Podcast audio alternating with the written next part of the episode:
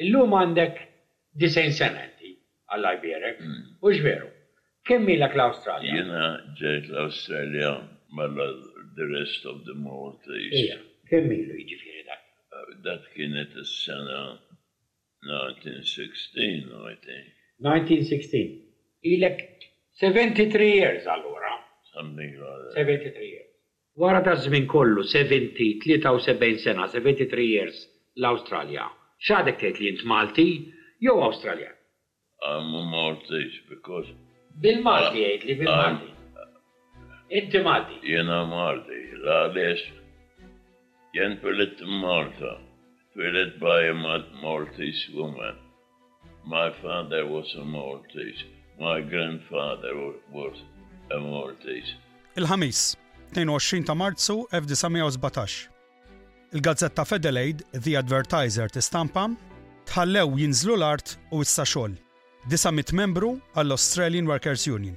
B'eċċezzjoni ta' madwar 50, il-Maltin kollha li nżammu f'Sydney tħallew jinżlu l-art. Kien hemm madwar 180 fil-vjaġġ oriġinali u ġew allokati għal impjieg fi gruppijiet ta' għaxra u għoxrin ħaddiem.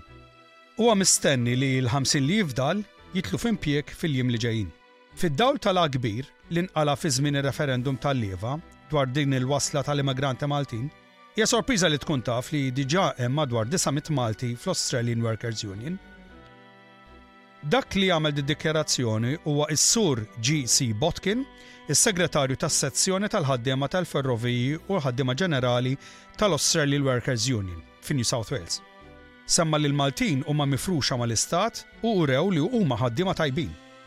Nippruvaw ndaħħluhom fid-drawwiet tagħna u nagħmluhom fi gruppijiet ta' tnejn u tlieta mal-irġiel tagħna, għax dak il-għan.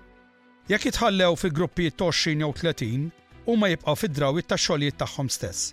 Aħna ma nagħtuhom l-ebda inċentiv biex jiġu f'dal-pajjiż, imma meta jkunu hawn għandhom jaqalgħu l-għajxien tagħhom b'xi mod jew ieħor. U b'hekk jispiċċa dal-episodju tant drammatiku ta' dawk l-immigranti Maltin. l-aktar minn Għawdex, li ġew esklużi mill-Awstralja. Din is-sensiela ta' avvenimenti tenfasizza kif l-Awstralja ta' dak iż-żmien, li kienet għadha kif ġiet iffurmata ħmistax-il sena biss qabel, rat lilha nnifisha bħala utopja u ġenna għall-ħaddiem, pajjiż progressiv li jippromwovi drittijiet u opportunitajiet indaqs biss għal dawk mixtieqa. Iżda f'dis-sitwazzjoni, l-Awstralja nqabdet mhux preparata. Bi pressjoni li ntafgħet fuq il-Gvern Federali, dan aġixxa b'mod irrazzjonali u b'hekk għamel vittmi minn dawk l-immigranti prospettivi. Il-Prim Ministru ta' dak iż-żmien, Billy Hughes, uża dawn is-sudditi Brittaniċi biex jiġġieled pożizzjoni politika u biex jipproteġi liġi ta' diskriminazzjoni li baqgħet fil-qafas legali Awstraljan sal-1973. Dawk il-214-il immigrant, li issa naqsu għal 180 ta' oriġini Maltija u Għawdxija, saru magħrufa bħala t-tfal ta' Billy Hughes. U eżatt hekk din is-sensiela ta' ġrajjiet spiċċat, bil-ħaddiema Maltin u Għawdxin jitħallew jitlu fl-Awstralja għall-għan aħħari li ġew għalih, ix-xogħol. Għaddew is-snin minn dakinhar u għalkemm din l-istorja qisha ntesiet, xorta waħda ħalliet wirt storiku kemm fl-Awstralja u kemm f'Malta.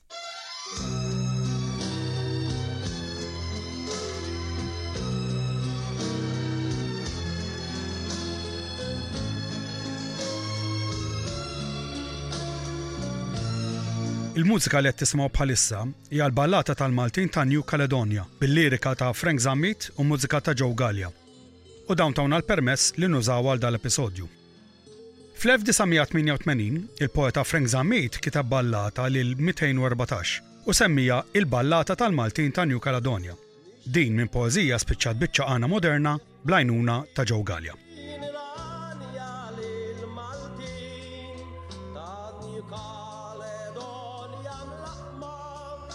Ħadna l-ħin nitkellem ma' Frank Zammit, għax għelbitni l-kurżità biex nara x'laqtitu f'din l-istorja. Sewwa, dan kien 1984-85, kienu diġà jidhru xi artikli jew xi ittri lill-editur fuq il-The Maltese Herald. U mill-ewwel laqtitni l-fatt li kien hemm xi Maltin li sofrew ħafna biex waslu sal-Awstralja.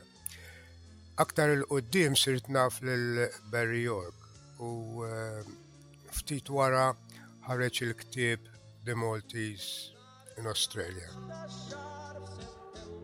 L-istorja tal-Maltin ta' New Caledonia fil-ktieb ta' Barry York kienet eh, mifruxa fuq kapitli wara xurxin. U jiena ħadd interess mill-ewwel xi bdejt naqra kull episodju u dettalji ta' x'ġara u ma ġarax. U l-ewwel ma għamilt bat karta u pinna u eh, bdejt impoġġi kollox wara xulxin, jisni sa nikteb novella.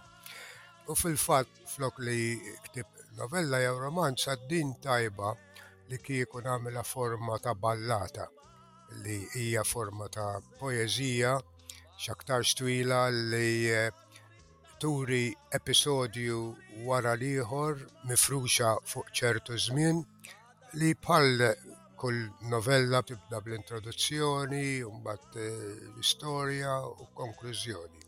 Ġalek taqleb din l-istorja f'forma ta' poeżija? Eh, jiena nagħmlet bħala kittieb, mbagħad eh, kif jgħidu nikteb il-poeżija. Dak li joħloq fik l-emozzjoni iġalek tikteb, trid u ma tridx, għax kultant tajt jiġi ħsieb u tajt le marrit nagħmel xejn, imma xorta jibqa fil-ħsieb ta' moħħok li trid tagħmel xi ħaġa. Il għaliex dak li daħal ġo fik trid toħorġu barra minnek innifsek biex japprezza xi ħadd ieħor. Kif dejtu da proċess inti minn naħa tiegħek? Għamil daqsxejn ta' raff script tagħha u batta lil xi nies li nar tal-affari tagħhom fil-letteratura Maltija fosthom il-Valentin Barbara li huwa magħruf mal-Malta kollha u l-Awstralja għal dawk li huma dilettanti tal-letteratura u oġbitu ħafna u mill-ewwel għamilli skript tagħha u reġa' tajewli lura. Tkellimt ma' dan Edi Busuttil li dak iż-żmien kien membru tal-Banda Maltija, l-ewwel Banda Maltija li ġiet organizzata fl-Awstralja. U kien ħabib tiegħi diġà ġifieri u għatlu isma' insibu xi żewġ għannejja jekk jista' jkun vuċi maskili u femminili, mara u raġel, u Edi kien diġà kellu xi links ma' għannejja u il-mod il-mod laqqani ma' Joe Gallia u Grace Camilleri. Ngħaddu issa għal Joe Gallia, li huwa dak li qed tisimgħu ikanta hawnhekk. Naħseb li huwa magħruf biżżejjed fil-komunità Maltija. Nara kif ġie involut f'dal-proġett. Jien għandi ħabib tiegħi Eddie Busuttil. Darba kont hemm, insomma, d-dar u ġie għandi Eddie hemm, qalli Joe, qalli ara, qalli għandi daqsxejn ta' booklet hawn.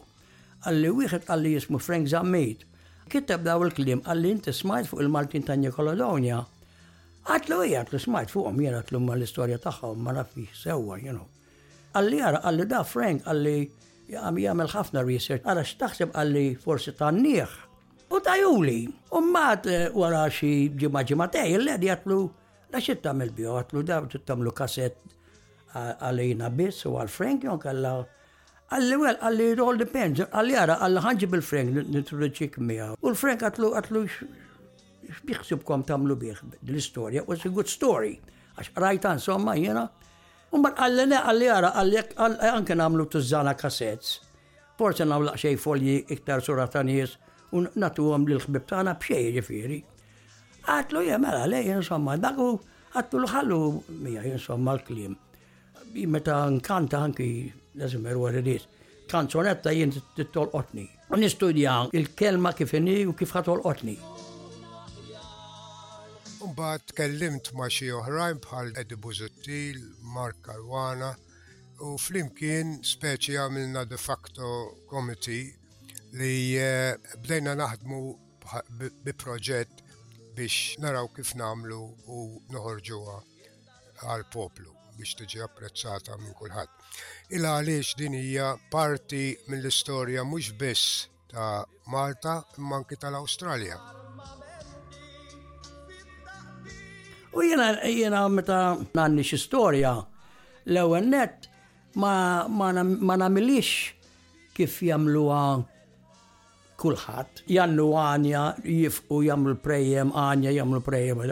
Jiena nemmen meta tkun qed tgħanni xi storja, ikun hemm paragraf, doesn't matter how long it is, kemm twila, imissek tispiċċa, u mbagħad jidoqqu l-prejem, tista' tista' ddaħħal tletanjiet, erbanijiet, qabel ma tieqaf Tkompli dik il-paragraf ta' dik is-suġġett qed tanni fuq dak il-mument tispiċċah. U eh, ġi jedu wkoll, insomma, għax dak għamilt għamilt minn xhur d-dar tiegħi inqasmu u fejħa nikser ċertu ċertu klim nikserhom biswit ta' qalb, jo brabja, jo b'ferħ,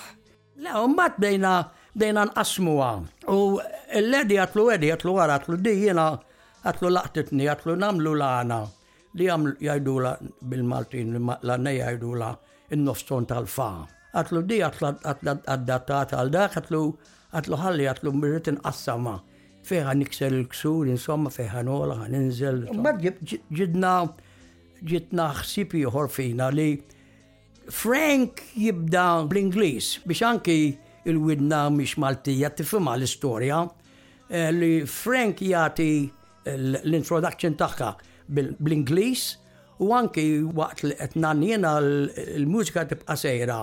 Umbat Frank jibda jirrakonta xi ċertu klim hemmhekk ukoll bl-Ingliż fejn jifqu u mbagħad dejna naħdmu fejn għandha tidħol Grace biex nagħmlu flimkien miegħi Jon kella fejn tista' tkanta waħedha hi biex il-kliem ma tantx jaħqarax kien hemm ħafna kliem jibes fiha wkoll il-ballata. Sibna studio li dak iż-żmien kienet xi ħaġa ġdida fejn eh, setaw jimmanifatturaw mużika elettronika flimkien mal-prejem Maltin li organizza ġew Galja. Morna f'recording studio f'Fairfield u l-inġinier kien Assyrian u fraħt li morna hemmhekk għax kien rrit nintija daqsxejn libsa iktar aċċettata għal widna mhux Maltija. U peress li kun li ju kien Assyrian, ma kellux dik il-feeling ta' traditional għana, U kif kif għamlu l-backing u I had a lot to do with insomma, xi strumenti għandu jdaħħal insomma da. But he did it to his taste, with, not as a Maltese taste. U press li jum il-Middle East, daħlet is like a glove, kif qassama u il-beat li ta' insomma, għax jena kont għamilt full recording taħħa recording machine emmek, madnix kuża issa. Kont għamilt full recording bil-keterra jena wahdi, U mbagħad kont eh, kont mort għandu u semmajtielu, you know, għatlu this is the beat we rida ma ridax tamela fast ħafna, it's a 3-4 tempo, eh, not too slow, insomma, it's very, u għamel għamel very, very good job. Dak iż-żmien speċjalment jien Joe u Eddie u, u Grace Camilleri sa ċertu punt ukoll, konna ma nafx issa eżatt kemm domna, imma domna ġifieri ġimgħat żgur, kultant sassatej ta' bil-lejl fl-istudju ma' Leni biex nirrekordjaw. Il għaliex kif għatlek fil-bidu din kienet xi ħaġa ġdida għal dak iż-żmien li tirrekordjaw fl-istess ħin toħloq mużika elettronika, ġifiri ma kienx ħaġa faċli u kien hemm bżonn l-espertiż biex niftehmu hekk tat-tlieta jew erba' li konna involuti fil-produzzjoni. Tifhem li il-pronunzja speċjalment toħroġ tajjeb, il-livell ikun tajjeb, ħalli joħroġ prodott mill-aħjar li nistgħu. Joe ma kellux problema fil-lingwa il għaliex baqa' jitkellem il-Malti minn mindu ġie minn Malta, ġifieri bħala teenager nistgħu ngħidu.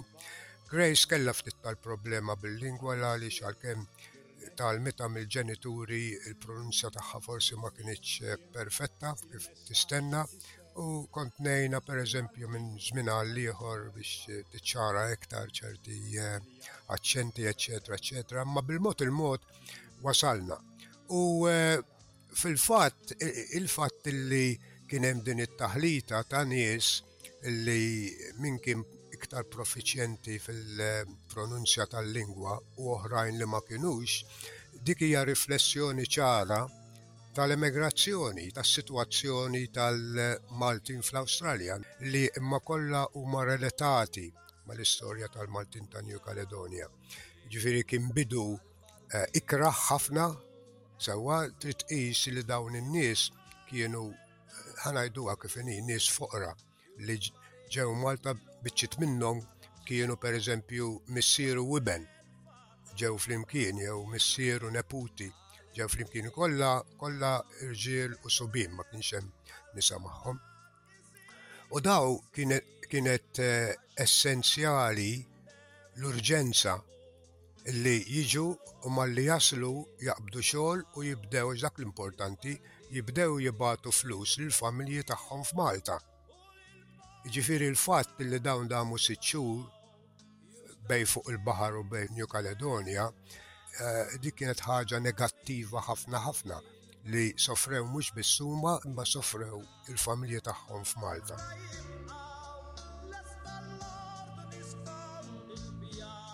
Għal wirt li ħalliet eh, u rejna l-għana kemm tista' tista' tkun moderna, leħen modern, is eh, sound modern fija, umħalta ma' strumenti kbar ta' orchestra, violins, trumpets, woodwinds, pianos and all that. U um, ħallit wirtu koll li għall-inqas ħafna nies u anki mhux Maltin saru jafu bin-nies ta' New Caledonia, il-Maltin ta' Nikola minn fej kellhom jgħaddu u uh, U l-Maltin għamlu stand, you know, uh, il-Maltin gburin, you can only push them so much and but they'll turn on you. Il-wirt l-ħarri, that's, I'm proud of that, għax uh, uh, ġiet aċċettata minn ħafna Maltin, għax ħafna Maltin idoqquha il-kasset li għamilna kollha nbijaw, ma iktar tajna bxej minnu mill-li bħajna. Imma In-nies ħadd ma qdarha li u di għana, no, aċċettawha xi mużika u l-istorja, istorja tal-Maltin, ta' ġemma Maltin minn fejn kollhom jgħaddu, you know. tinsiex li aħna fi żmienna da qed nitkellmu ġifieri issa 40 sen ilu bej wieħed ieħor, konna qegħdin għadna ngħixu fil-politika Awstraljana tal-assimilazzjoni. Sewa, u ehm, konna qegħdin nirreġettaw, nirrifjutaw illi ngħixu dik il-politika. U affarijiet bħal daw ġallu ktajt mela aħna minn aħna din l-identità tagħna. U xtaqt illi noħroġha ċaru ton. Li għadni maċ li eh, meta kien hemm eh, The Children Overboard Affair, kien iċemplu li mill-ABC, u rridu jintervistawni dwar l-istess ġrajja. Għaliex? Il-għaliex ħafna kienu qegħdin jgħidu meta kien hemm The Children Overboard Affair, illi din hija l-ewwel darba illi eh, nies minn barra l-Awstralja ġew mibgħutin lura bid-dgħajsa jew eh, bil-vapur li ġew fuqu. U xi ġurnalisti rrealizzaw li mhix l-ewwel darba u sabu din l-istorja tal-Maltin ta' New Caledonia. U eh, intervistawni bej wieħed wieħor l-istess eh, waqt l-istorja kif qed ngħidha lilek. Din hija li wieħed jara l-importanza ta' episodju jekk kienx fl-istorja jew f'xi ħaġa oħra xi aspett ieħor ta' tal-ħajja tal-bniedem u jixtieq jaqsmu ma' xi ħadd ieħor u jagħmlu pubbliku u xek biex ikun jafu kulħadd. U dawn affarijiet bħal dawn isaħħu l-argument ta' kull nazzjon fil-każ tagħna l-Maltin fl-Awstralja biex ikollna fuq ix nibbażaw l-argumenti tagħna meta nipprotestaw jew nitolbu jew nisqu fuq xi ħaġa, tajt din hija l-istorja tagħna fl-Awstralja, wasalna saw, issa dan li rridu, dan li nixtiequ, dan li sa niġġieldu għalih.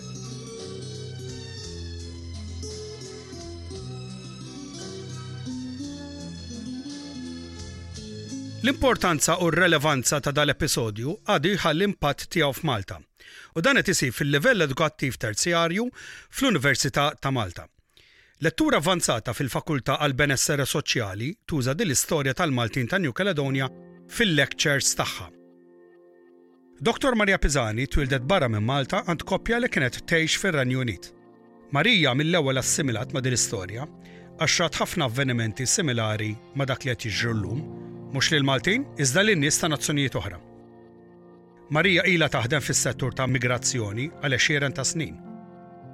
Qabel ma saret lettura fl-Università ta' Malta, hija kellha l-kariga tal-Kap tal-Uffiċċju tal-Organizzazzjoni Internazzjonali għall-Migrazzjoni f'Malta. Matul dan iż-żmien hija kienet responsabbli għal numru ta' proġetti ewlenin, fost oħrajn relatati ma' risistemazzjoni ta' refuġjati li jaslu Malta. Maria hija wkoll attivista. Iżda kurjuż kif Marija saret taf b'din l-istorja meta ħafna minna ma jafuhiex. L-ewwel darba li smajt fuqu kienet meta kont qed nistudja u nagħmel ir-research fuq il-PhD tiegħi. Peress li l-ġenituri tiegħi Maltin u jiena twielidt barra minn Malta u mort l-iskola barra minn Malta, jisni dejjem kelli interess fl-istorja tal-immigrazzjoni ta' Malta. U mbagħad kif bdejt il-PhD tiegħi Focus tal-PhD tiegħi kienet fuq l-immigranti Malta. Imma xorta biex nifhem il-kuntest Malti kelli noqgħod nitgħallem iktar fuq il-sitwazzjoni tal-emigrazzjoni tal-Maltin u minn hemm sirt naf. Għala tuża din l-istorja fil-lectures tiegħek? Meta naraw x'inhu jiġri hawn Malta, mhux illum biss, jiena li ili naħdem for Lafarriere li kważi 20 It is an issue that addresses a number of different points. First of all, I għedin nitkellmu for forced migration. that whether it's war, whether it's conflict or persecution or poverty and a lack of opportunities, we see commonalities, whether we're looking at Somalia, Eritrea, Nigeria, Or Malta and Gozo historically, dak iż-żmien ma kinux jużawha dan il-kliem imma copy and paste. Ovvjament kulħadd għandu l-istorja tiegħu but the patterns are incredibly similar. Mela, qegħdin nitkellmu fuq żgħażagħ l-ewwel nett, jiġri n-nies li telqu minn Malta ma kellhomx 60 sena, kienu kollha żgħar u biċċa kbira kienu l-irġiel, imbagħad wara l-familji kienu jitilgħu wkoll. Meta naraw il-movements fil-Mediterran, l-istess ħaġa. Young men fleeing poverty, sometimes war, sometimes conflict, persecution, and looking for opportunities. Hope, hope, hope. Very similar. Ma nistax nitkellmu fuq li ġara dak iż-żmien u x'inhu jiġri llum il-ġurnata ma nar ma nitkellmu fuq il-rassiżmu and nationalism.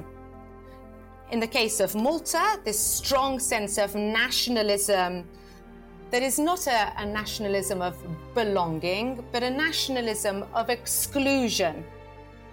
and the nationalism in Australia that followed racialized lines dak iż-żmien.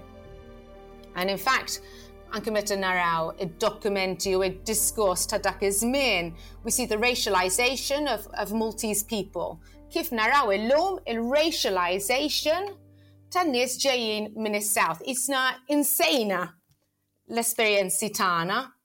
L-lum ġurnata nara, you know, we define ourselves as European, as part of the West. But historically, we were part of the rest. Not just racialized, but the implications that come with it. In other words, dark skinned, inferior, uneducated, ignorant,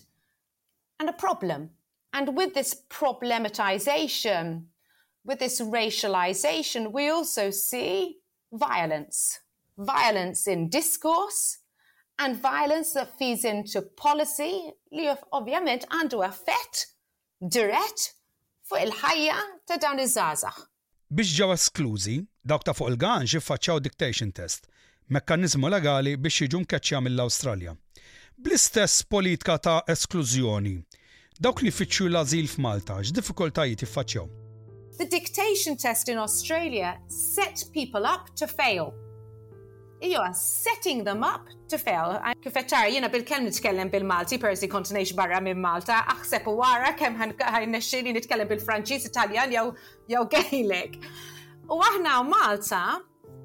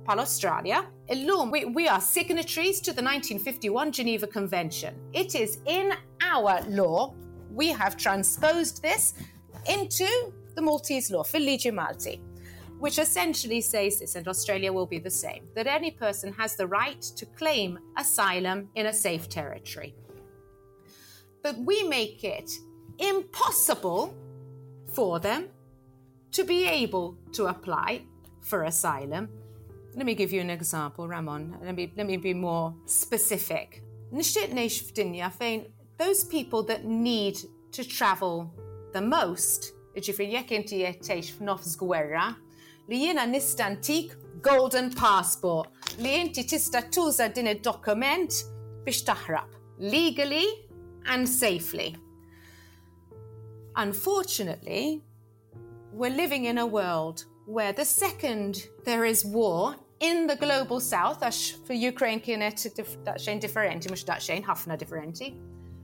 You can, if you if you Google the number of visas that were made available to Syrian nationals in Syria once the war started, you will see a decline, a rapid nosedive down. In other words, once war started, it becomes impossible for someone to apply for a visa to get into Europe, jiġifieri mhux Malta biss, l-EU. Allura dak li jkun m'għandux għażla bilfors jekk ħa jaħrab minn vjolenza jrid jagħmilha b'mod irregolari għax m'għandux għażla oħra, bilfors irid jieħu this route. We are setting them up to fail. Which aside from the violence that they're exposed to is also a humiliating, dangerous journey that is resulting in the loss of thousands of lives. Bis bis, we know that for many, many years now, the Mediterranean route is the most dangerous route in the world. Issa ovvjament the majority of asylum seekers qegħdin jgħixu fil-global south, jibqgħu in Africa and the middle east. Hija persentaġġ żgħira ħafna li jagħmel il-journey sal-Ewropa. Aħna jekk tara l-news timmaġina isek hemm din l-idea li l-maġġoranza ġejjin l-Ewropa, mhijiex il-każ. And has become more and more dangerous because of the policies that Europe has enacted to keep asylum seekers away. There is no such thing as an illegal immigrant. There is no nothing in international law that will define because a human being cannot be illegal. U n-1951 Geneva Convention jagħmel l-istess ħaġa. Aħna biex imborru minn A sa B għandna bżonn dokumenti. Ma fl-istess ħin il-1951 Geneva Convention jisu it acknowledges li under certain circumstances a person may need to flee. Jekk jiena qiegħda f'nofs Aleppo,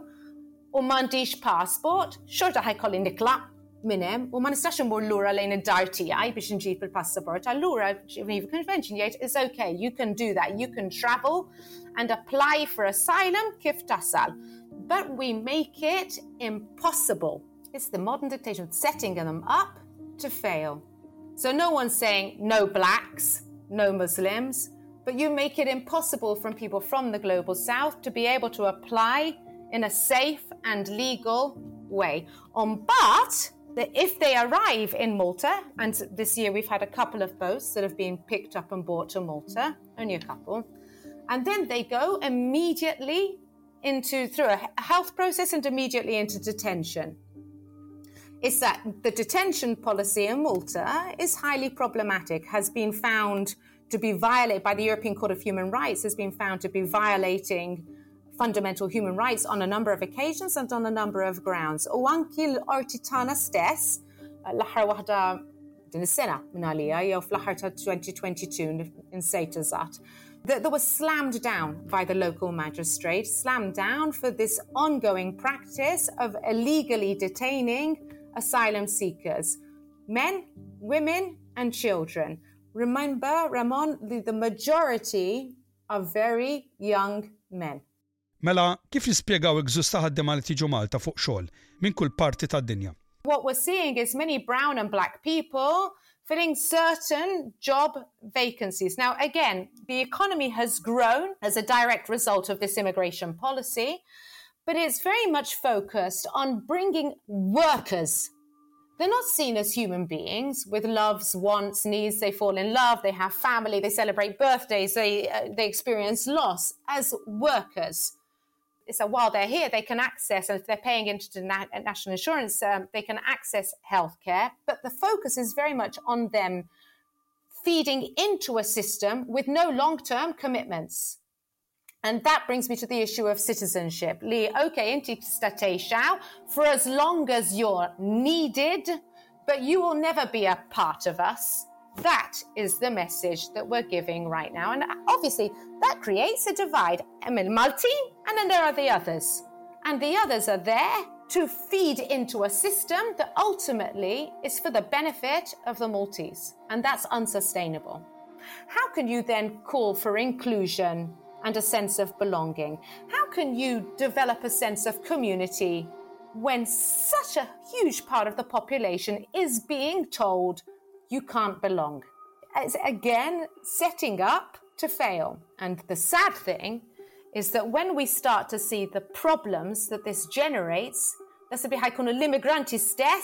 that will be blamed for the divisions within multi society and multi communities. And at the end of the day, this is an economic model that is built on precarious work and an awful lot of abuse in the employment market and in, in the system in general.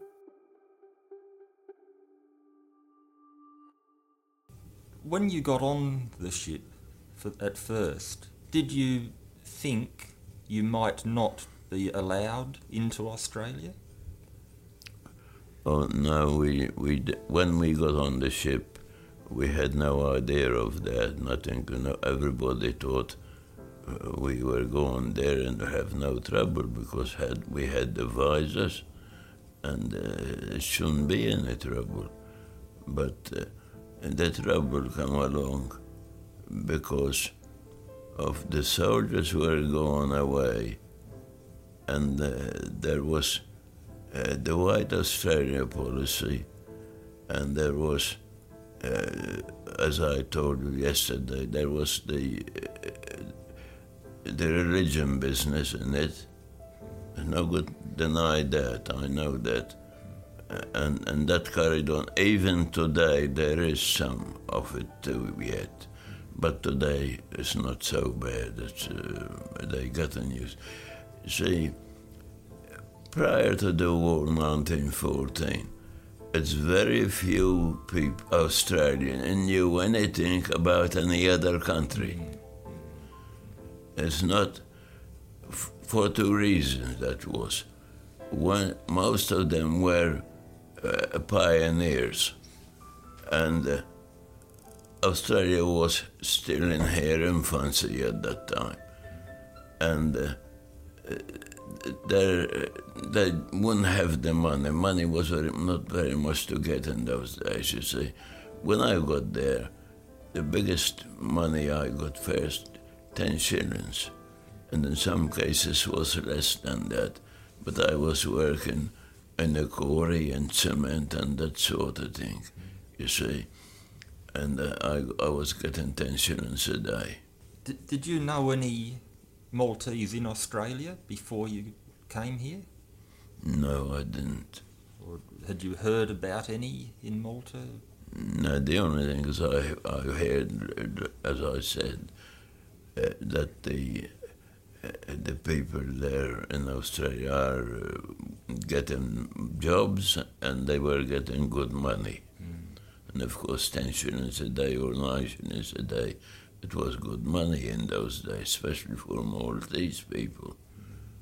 Because Maltese wasn't getting anywhere near nice since when they worked here, you see.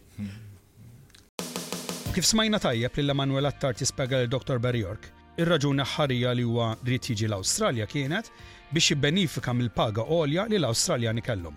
L-istess kif dawk il-ħaddiema f'Malta qed imorru hemm bit-tama li jistgħu jgħixu livell għoli ta' għixien li ma jistgħux isibu f'pajjiżhom. U b'hekk tiġi fi tmiem dan l-avveniment tal-mistħija li dawn il-214 Malti u Għawdxi kellhom jgħaddu minnu fl-1916. Hekk kif l-għażla politika għamlet vittmi minn dawk il-Maltin, għalkemm ma kellhomx jaħtu, dawn refgħu r-responsabilitajiet kollha b'dinjità u bil-qawwa ta' riżoluzzjoni li xejn ma jwaqqafhom minn dak kollu li kellhom jagħmlu. U dak huwa s-sisien li dal-pajjiż jiftaħar bih u jgħożż, għax b'dak is-sagrifiċċju aħna ngħixu f'wieħed mill-aktar pajjiżi avvanzati fid-dinja. L-għan tiegħi li nipproduċi dad-dokumentarju jġib xewqa li din l-istorja sservi ta' lezzjoni lill-komunità Maltija ta' madwar l-Awstralja. Aħna rridu nkunu l-ewwel nies li nuru kompassjoni għal dawk li jfittxu xi tip t'għajnuna, Għax aħna għaddejna minnha. Aħna l-Maltin tant magħrufin għall-ospitalità tagħna u li kapaċi nagħtu daqqa t'id lil dawk fil-bżonn. Ma nħallux fatturi esterni jkisser dak kollu li aħna magħrufin għalih, għax dak isir bi skop ħażin u mhux dak għani. Kif l-Anzacs ġew lura jitkellmu pożittiv fuq Malta u b'hekk setgħu jdawru l-mewġa ta' mibegħda lejn dawk il-214, Issa jmisslilna biex niftakru f'dawk il-214 meta naraw nies jitolbu għal kenn f'pajjiżna, kemm f'Malta kif ukoll fl-Awstralja. F'din id-dinja l-ebda uman mhu llegali. U b'hekk ġejna fit-tmiem tal-ġrajja tat-tfal ta' Billy Hughes. li tibqa' mnaqqxa fl-istorja tal-Awstralja għaż-żminijiet li ġejjin. F'dan l-episodju smajtu l-vuċi ta' Emanuel Attard, wieħed minn dawk il-214 Malti u Għawdxi li ġew esklużi mill-Awstralja meta waslu fuq il-Ganj. L-istorja tafhom bħala It-Tfal ta' Billy Hughes. Intervista li smajtu bil-Malti hija ta' Mark Caruana u dik bl-Ingliż ta' Barry York, li nirringrazzjahom talli fatħu l-arkivji tagħhom għall-SBS Malti. Nirringrazzja lil Joe Galea u lil Frank Zammit talli tawna l-permess nużaw siltiet mill-Ballata tal-Maltin ta' New Caledonia. Grazzi mill-qalb lil Maria Pisani tal-ħin tagħha. Nagħlaq billi nirringrazzja lill-produttur eżekuttiv ta' dal-programm, Joe Għaxaq, tas-sapport kontinwu li dejjem ura miegħi.